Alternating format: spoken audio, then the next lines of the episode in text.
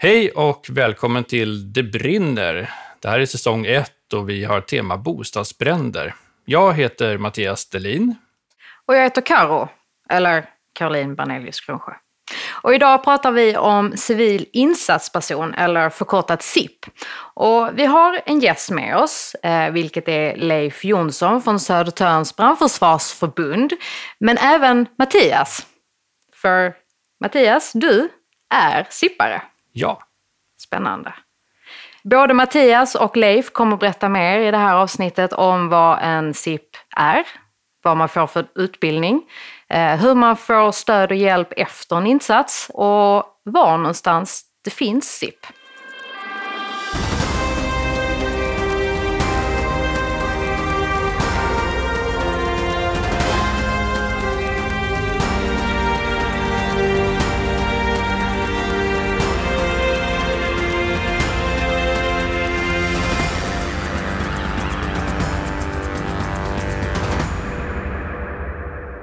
Mattias, civil insatsperson, förkortat SIP.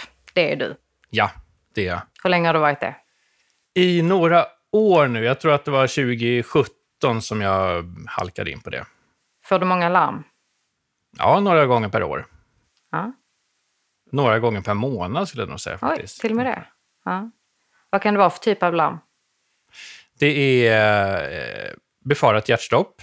Det kan vara brand i byggnad, trafikolycka eller drunkning. Men det kan vara brand i terräng också, men det är ju mer säsongsbetonat. Ja. Har du varit på alla denna typ av eh, Jag har larm? varit på alla sorter. Nej, Nej. inte drunkning. Inte drunkning? Nej.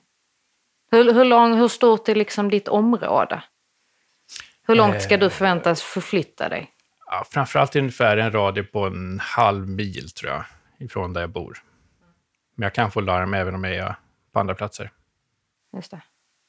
Och då har du alltid din väska med dig som sippare? Nej, den är alltid hemma. Den är alltid hemma? Ja. Ja, trots att du kan få larm när du är på annan plats? ja men jag har lite extra saker i bilen och sådär, lite andningsmask och sånt. Eh, Det är alltid bra att ha. Just det. Men om vi tittar i din väska och vad du har i den. Ja, jag är med med den. Här. Ehm, så är det en, eh, en ryggsäck. Ja, silvrig reflexväst som det står SIP på. Just det.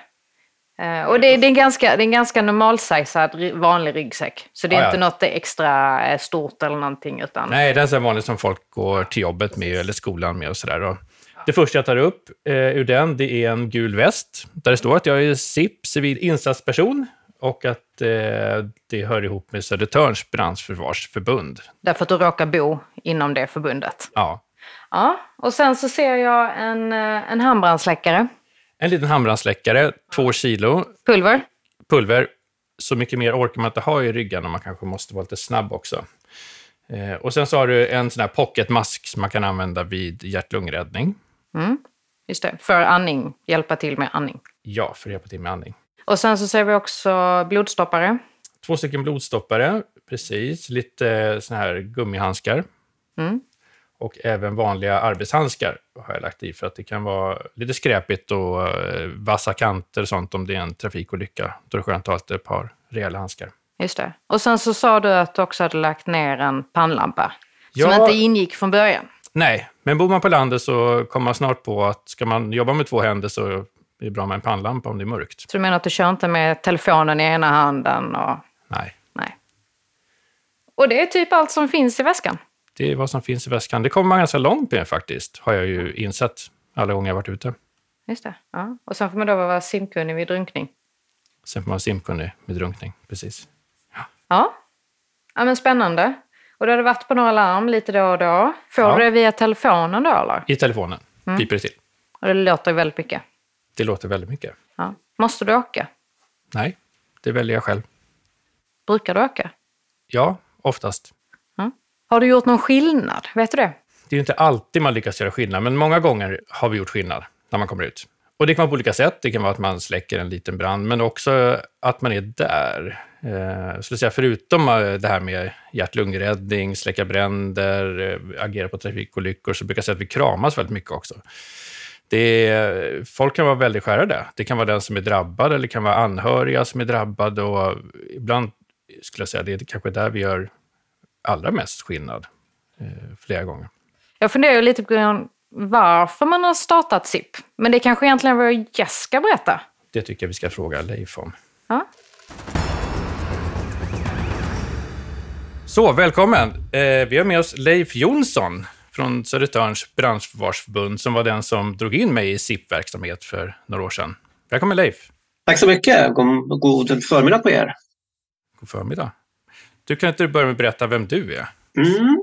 Eh, jag jobbar numera som projektledare och internrevisor på Södertörns brandförsvarsförbund och eh, eh ja, som namnet säger, där, projektledare, så driver jag ett antal projekt både internt och externt i eh, förbundet. Då, då, där jag bland annat har varit med och bygga upp vår civila insatspersonsverksamhet under några år och vi fortsätter ju kontinuerligt att bygga ut det här. Det var pandemiåren egentligen som stabbade en del för oss. Men nu ska vi in med nya, två nya områden här under den här vinterperioden. Mm. Kul att höra att det går bra, att det går framåt. Mm. Du, vi, vi, har en inledande fråga som vi ställer till alla våra gäster mm. och det är om du har haft en brand hemma. Alltså jag funderade ju på det med tanke på att jag visste att den frågan skulle komma. Jag kan inte påminna mig om det, men däremot har jag haft en torrkokning som inte blev någon brand. För jag hann ta det innan det eh, kunde ha gått illa. Eh, och det var att jag skulle koka någon grej till eh, någon amningsapparatur på något sätt och glömde bort den såklart. Eh, men nej, jag kan inte komma på att jag faktiskt har haft någon brand.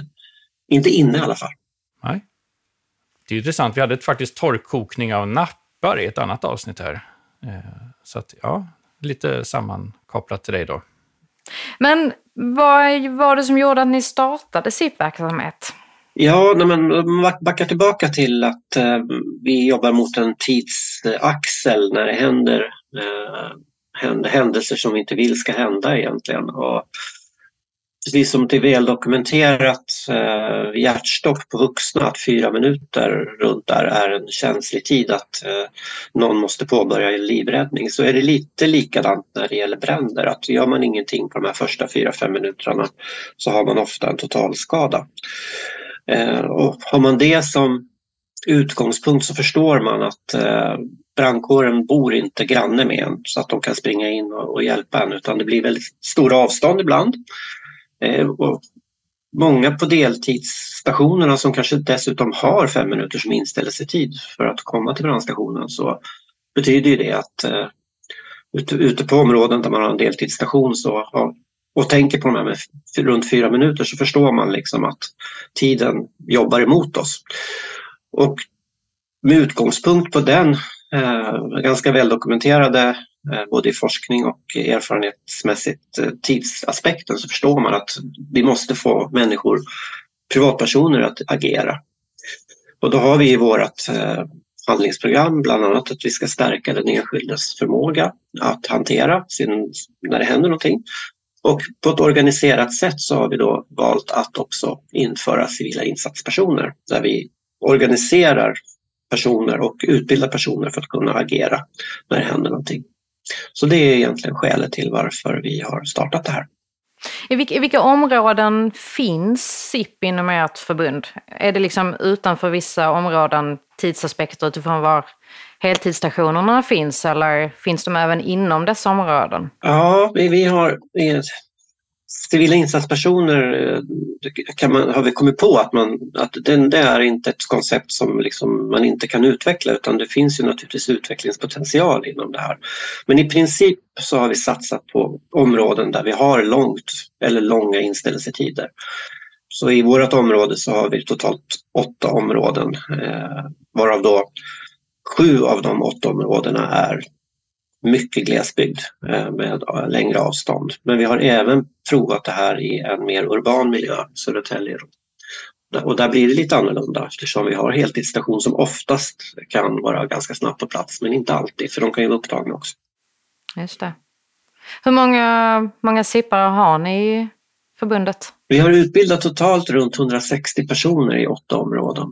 Så att det har ju varit ett gäng. Som, och sen är det lite olika hur aktiva Eh, Eh, de här sipparna är naturligtvis. Och det finns ju inget krav på att man måste agera eh, när det händer någonting. Och, eh, av de här 160 personerna så jag väl kanske skulle bedöma 80 av dem, 70-80 av dem är väl hyfsat aktiva och sen resten är väl inte lika aktiva. Då. Men det beror ju också på var man bor och hur mycket som händer i ens närhet. Mm. Hur, hur, ofta, hur ofta väljer de att ta ett larm? Ja, de här som är mest aktiva, de är väldigt aktiva. De är förvånansvärt eh, på när det händer någonting. Eh, så att, men de har ju alla möjligheter i världen att, att inte känna press att, att agera. Eh, och det vi märkte också skillnad där när vi prövade det här i mer urban miljö som Södertälje då, det var ju det att där blir man mera, som jag uttrycker det, noga med avståndet till händelsen. Medan man i Hölö till exempel, Mörkö, kan åka lite längre sträckor för att göra någonting så gör man inte det i Södertälje för där kanske det är bara några hundra meter ifrån där man är som man agerar på. Och det beror ju förstås på att eh, blåljusverksamhet är ju oftast mycket snabbare i de här urbana miljöerna än vad man är ute på ja, i Tungelsta eller i eh, Segersäng, Hemfosa. Mm. Vilken utbildning får en sippare? Och är den samma om man ser över landet eller är den, kan den variera? Nej, den är i stort sett samma i hela landet. Det, det skiljer inte mycket. Vi, vi har ju egentligen eh, tagit den utbildningen som fanns ifrån räddningstjänsten uppe i Medelpad, Sundsvall, Timrå och använder oss av den utbildningen till 95 procent. Eh, så att den är ganska lik, likartad över hela landet och den består i stort sett av åtta timmars utbildning varav då fyra runt 4-5 timmar i teori och resten är praktik. Vad för typ av praktik och teori är det de får lära sig? Det handlar otroligt mycket om egen säkerhet när det gäller eh, teorin och även i den praktiska delen. Eh, för vi vill ju naturligtvis inte att folk skadar sig eller gör sig illa. Eh, så att de handlar rätt mycket om att kunna bedöma risker i, när det gäller bränder, att kunna skilja mellan en bränslekontrollerad brand och en ventilationskontrollerad brand, vad som är farligt runt om det här och sen ingår för självklart hjärt hjärt-lungräddningsdelen, eh, viktig. Eh, på trafikolycka-delen så får man lära sig väldigt, väldigt eh, grundläggande, enkla, eh, egentligen att andas personen, har en fri luftväg och sen stoppa stora blödningar. Det är det man inriktar sig på som är direkt så att säga liv, livräddande i det läget. Och även då bedöma risk när personer sitter i bilar om det finns en risk för att eh, ja, om bilen brinner till exempel så måste man ta ut dem i bilen även fast man riskerar rygg och nackskada. Då. Så att det är mycket säkerhetsbedömning i själva utbildningen. Mm, just det. Vad, vad, krävs av den som blir sippare? Vad, vad liksom, vilka förkunskaper eller förmågor är det som man måste ha för att kunna bli SIP? Ja, det enda som vi kräver är att man är över 18 år. Och eh, i övrigt så har vi inga krav egentligen. För att även om eh, eh Någonting som vi inte nämnde i början här var ju också att vi, har en, vi lär ut rapportering eh, enligt den gamla klassiska OSHBIP som det heter. Eh, vilket innebär att eh, våra SIPPar har ett direktnummer till vår räddningscentral där man lämnar lägesrapporter. Eh, och det betyder också att i den här lägesrapporten så får vi veta mera professionellt vad som kanske har hänt eller med tilläggsuppgifter på, på plats. Eh, så att det är också en viktig bit i själva utbildningen som, av SIPParna. Mm. Du, har det varit svårt att få tag på folk som vill bli SIPPar? Nej, det är inte svårt. Eh, vi upplever inte alls att det är några svårigheter att få tag i folk som vill engagera sig i det här. Utan snarare tvärtom så är det väldigt många som Dels när vi går ut och söker folk i ett område hör av sig och sen eh, ungefär hälften av de som kommer på ett informationsmöte utbildar sig. Sen kommer alltid folk efteråt över tid som vill bli civila insatspersoner för att man har hört talas om det här. Vilken, vilken typ av ersättning får man som civil insatsperson? Ingen alls. Det här är helt frivilligt och helt oavlönat. Och ändå får man så högt intresse. Det är kul att höra. Ja, men jag tror också det här med att det är kravlöst, att det är eh, man behöver inte vara i beredskap och man behöver inte på, något sätt ha någon, någon skyldighet att agera utan det sker enbart på frivillighet. Mm. Karo frågade mig förut om, om, jag hade gjort, om jag upplevde att jag har gjort skillnad på någon eh, insats jag varit på. Men du har ju lite mer överblick på det här. Vad, vad tycker du? Hur, eh, vilken nytta gör SIP och vad har du sett genom åren? Om man ser så här att för, för min egen del, då, jag har 39 år med bakgrund också inom ambulansen här nu som jag fortfarande jobbar på och Jag har sett skillnaden eh, ganska tydligt och det var inte så svårt att förstå att om någon människa agerar snabbt när det har hänt någonting på rätt sätt så, så gör det skillnad. Och det finns ju eh, väldigt många exempel på där civila insatspersoner har både räddat livet på folk eh, och hanterat eh, bränder. Och kunna liksom bryta den här eh, utvecklingen som, som krävs då precis initialt när någonting har inträffat. Och jag har varit med om några, ett antal gånger där jag har utbildat sippar den ena veckan och nästa vecka så har man stått och hållit fria luftvägar på medvetslös fastklämd person i en eh, personbil. Så att det, eller vi har också haft eh, bränder som skulle kunna ha liksom, slagit ut en hel skola där man har liksom lyckats hantera branden på en gång istället för att man får en total skada på en skola. Så det finns väldigt många exempel på där, där det här har varit väl skillnad, eh, givetvis. Det låter också som att det kan vara ganska otäcka situationer, att man kanske inte är beredd på det som man ska mötas av. Vilket stöd får man som civil insatsperson efter en händelse? Ja, eh, det där är en jättebra fråga. Och vi har ju gjort så hos oss då att vi betraktar ju civila insatspersoner när det har hänt någonting som kräver att man får ett kamratstöd så betraktar vi de civila insatspersonerna eller allmänhet generellt som råkar vara på den här platsen eh, som våra egna anställda. Vilket innebär att vi erbjuder ju då samma stöd som vår egen personal får i en sån typ av händelse. Och det är samma med eh, när man blir utsatt för blod till exempel. Det kan ju finnas en risk för blodsmitta. Eh, så ordnar vi det också i form av eh, provtagning och de de saker som behöver göras runt omkring den typen av händelser. Så de får samma stöd som vår egen personal. Mm. mm. Jag kan tillägga att även ambulanspersonal är ganska bra på att fånga upp en på plats. Det var på ett hjärtstopp som inte slutade så väl och då, då var det en av ambulanserna som tog mig och den andra sippen lite avsides så småningom. Så, så att vi pratade en stund också innan vi lämnade platsen där. Så att de är uppmärksamma på oss på ett bra sätt. Skönt att höra. Mm. Jo, och så ska det ju vara. Det här är ju en otroligt viktig del i, i, uh, runt en händelse. Händelsen är ju en sak men sen är det ju oftast det här som sker runt omkring och efteråt som är, är också väldigt viktigt. Mm.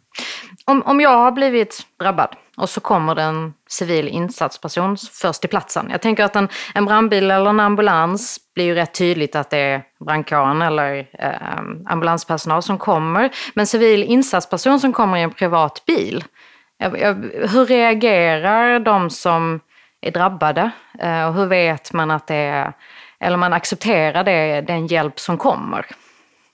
Jag tror Mattias är bättre på att svara på den, för jag har själv inte agerat som civil insatsperson. Men jag vet ju hur det är när jag kommer fram som ambulanspersonal och det är klart att då har jag ju en, en uniform naturligtvis. Men det har ju, precis som du säger, det, det, det här kan ju vara en intressant fråga. Mm. Ganska olika. I byn där jag bor, vi ligger ganska långt ifrån räddningstjänst, eh, och jag tror i princip alla här i byn vet att det finns sippar i byn. Så att, eh, det är ganska, går ganska snabbt att presentera sig när man kommer hem till någon, om det är hänt någonting här. Eh, däremot trafikolyckor och så, då kan det vara folk som inte alls är boende i närheten. Och eh, där har jag mötts av väldigt stor förvåning och eh, ja, positiv förvåning också. Folk som inte alls har hört talas om konceptet och tycker att det är fantastiskt att här står en människa som bodde i trakten och, och hjälper dem i kanske 10-15 minuter innan räddningstjänsten kommer fram. Så att... Men du berättar ändå att du är civil insatsperson? Jag presenterar mig att jag är jag civil insatsperson. Om man är vanlig medmänniska, som jag, och jag mm. skulle vara först på en trafikolycka, då kommer inte jag börja med att beskriva att jag är bara en vanlig medborgare. Nej. Men störtar man in i någons hem efter att de har ringt SOS, då är det ganska bra med en öppningsfras att eh, civil insatsperson, jag har fått eh, information om eh, Absolut, så kan det vara. Och du sa ju det med sms-livräddarna också. Ja, det här är, liknar ju det, fast vi gör några fler saker. Ja, just det. Mm. Ja, men jag tror att det, jag är själv sms-livräddare däremot och där, nu har jag inte haft mer än något sms-livräddarlarm. Eh, för det beror också mycket på var jag bor någonstans. Eh, men jag tror att det fungerar förvånansvärt bra eh, ändå i de här lägena att man kommer. För folk vill ju ha hjälp, det är ju det som är grund, grunddelen när det har hänt någonting. Så att all hjälp man kan få tar man emot i det här läget. Jag har inte hört att någon SIP har liksom fått nobben eh, faktiskt. Nej. Under de här åren. Men Leif, Om man vill bli SIP, antingen på Södertörn eller i någon annan kommun, hur gör man då? Ja, hos oss, vi, vi, eh, vi försöker köra två områden här nu per halvår egentligen, det är målet. Och då går vi ofta ut via sociala medier och eh, söker folk eh, till det här. Eh, och varför vi använder sociala medier i det här fallet Facebook, för, det finns alltid någon sån här grannsamverkansgrupp i något område. Så det är för att vi sen vill kommunicera i slutna grupper med SIPparna för framtiden och då vill vi ha folk som är aktiva på sociala medier. Så det är därför vi går den vägen. Eh, så vi bjuder in till informationsmöten och så får man komma på de här och då berättar vi vad det är för någonting och sen så kallar vi till utbildning. Men man kan även spontanansöka till oss för vi vill ju fylla på de områdena vi redan har också stundtals. Så att det är den vägen vi, vi går och det ligger också information på vår hemsida eh, om civilinsatsperson. I de andra kommunerna, det är lite Eh, olika. Det finns på fler ställen i Sverige. Det finns i Medelpad som jag nämnde tidigare. Det finns också Katrineholm, det finns nere på Öland och i Småland. Eh, men det är inte så spritt nationellt som det borde vara tycker jag. Eh, vilket förvånar mig en hel del. Men så, så ser det ut idag. Mm. Ja, på Brandforsk har vi forskat en del på SIP-verksamhet och jag tror att vi räknade till var det 10-15 kommuner hittills som har SIP, så det är många kvar som förhoppningsvis skaffar det, tycker jag. Ja. Jag vet att det pågår uh, större utbyggnad av, av, konceptet till exempel nere i Östergötland också. Uh, Västervik har också uh, SIP sedan tidigare men jag tror att uh, räddningstjänsten Östergötland kommer att ta ett ganska stort grepp på det här i år, i alla fall vad de planerna jag har hört. Så det är kul. Mm. Jag har hört att Brandskyddsföreningen också har satsningar på området för att få en mer nationell eh, utveckling av konceptet. Kommunerna kan ju bara agera i sitt eget område. Mm, just det, det är en, Brandskyddsföreningen nationellt har också tagit tag i det här med sitt frågan vilket är otroligt glädjande. Att man tar fram det för ett nationellt program eh, är, är tanken. Så jag vet att man eh, kommer att satsa ganska hårt på det här framöver. Mm. Något mer du undrar över, Karo? Nej, jag tror jag har fått ganska bra bild av vad en SIP är. Jag kan tillägga en sak där. Den snuddade in lite grann på att man kan utveckla SIP-delen. Och det vi har provat eh, hos oss är två delar. Dels som jag sa att vi provar i urban miljö, eh, vilket inte har gjorts tidigare. Eh, och, men vi har också använt det lite grann för att locka intresse till att söka deltid på brandkåren. Det har vi gjort i ett område. Och då fick vi ett antal sökande från SIP-gänget då, när, när, vi gjorde det här. Så att man kan använda SIP-konceptet också för att eh, introducera själva räddningstjänsten och få folk att söka till just deltiden som, som eh, oftast är ett problem i, i många områden att få tag i deltidare. Eh, så att när vi testade det här då så fick vi lite fler sökande än vad vi brukar få och det var då några ett gäng från SIP, SIPparna då som sökte. Eh, så det var väldigt, väldigt kul att se. Så att jag tror att det går att hitta på eller hitta områden inom SIP eh, att utveckla det som eh, till exempel också, vi har pratat om det här med miljöskador, att om det står och rinner ner fullt med olja från en lastbil rakt ner i en dagvattenbrunn, att SIParna skulle kunna ha någon typ av material för att täta det där så att det inte rinner ner till exempel. Så att det, det går nog att utveckla det här på lite olika sätt framöver, om man vill. Mm. Du har ju gjort ett annat spår där eh, på det temat. Det är ju att du utvecklat ett skogsbrandvärn mm. med sippar. Ja, precis. Eh, det är helt rätt. Vi, vi eh, såg ju behovet av att få fler händer och fötter när det gäller just skogsbränder inom Södertörns brandförsvarsförbund. Och då ville vi skapa ett brandvärn utan brandstation och utan brandbil men med utrustning för att kunna hjälpa till vid större skogsbränder. Och då sökte vi, sökte vi folk ifrån SIP-grupperna för att då bli värnare då i vårt funktionsvärn som det heter numera. Och vi fick rejält med sökande då, eh, till det här och hade inga problem att fylla de 20 platser som vi, vi var på jakt efter. Och det här var också en stund efter 2018 med den stora branden norröver? Ja, precis. Det är helt rätt. Eh, så att man kan använda eh, SIP-konceptet på olika sätt, säger jag, som är väldigt glädjande. Ja, men det är superspännande att höra eh, att det finns så mycket utvecklingspotential men också att eh, det växer den här verksamheten. och att ni har en bra erfarenhet av den? Ja, alltså, absolut, vi har väldigt goda erfarenheter av det här. Det, och som sagt, just att det är frivilligt och det är eh, inga krav på att man måste vara i beredskap eller någonting utan det är man, man är helt fri att agera. Eh, och när man gör det så är det värdefullt varenda gång. Så att det, det, vi har bara bra erfarenheter av, av eh, hela verksamheten. Det var trevligt att ha haft dig med Leif. Mm. Ja. Eh, Vi tackar för all information som du har eh, delgett oss. Tack så mycket. Mm. Stort tack Leif. Tack. SIP verkar vara en bra funktion i samhället. Men om jag vill bli sippare, var hittar jag då mer information? Om du bor på Södertörn eller tillhör Södertörns brandförsvarsförbund, de kommunerna, då finns det på deras hemsida information om SIP-verksamhet. Om du bor i andra kommuner, eh, gå in på hemsidan till din räddningstjänst och se om de har SIP-verksamhet och det presenteras där. Eller kontakta räddningstjänsten och fråga. Eh, för om det inte finns i din kommun så kanske de förstår att det här är en bra grej och att du vill vara med och så kanske det blir SIP. Så om du är intresserad, så in och anmäl dig. Tack för idag. Du har lyssnat på Det brinner, en podd som vill lära dig mer om brandsäkerhet. Podden produceras av Brandforsk som arbetar för ett brandsäkert och hållbart samhälle byggt på kunskap. Du kan nå oss på brandforsk.se där du kan ställa frågor till oss och komma med förslag på frågor för oss att ta upp här i podden. Och du, till nästa gång, kom ihåg att testa din brandvarnare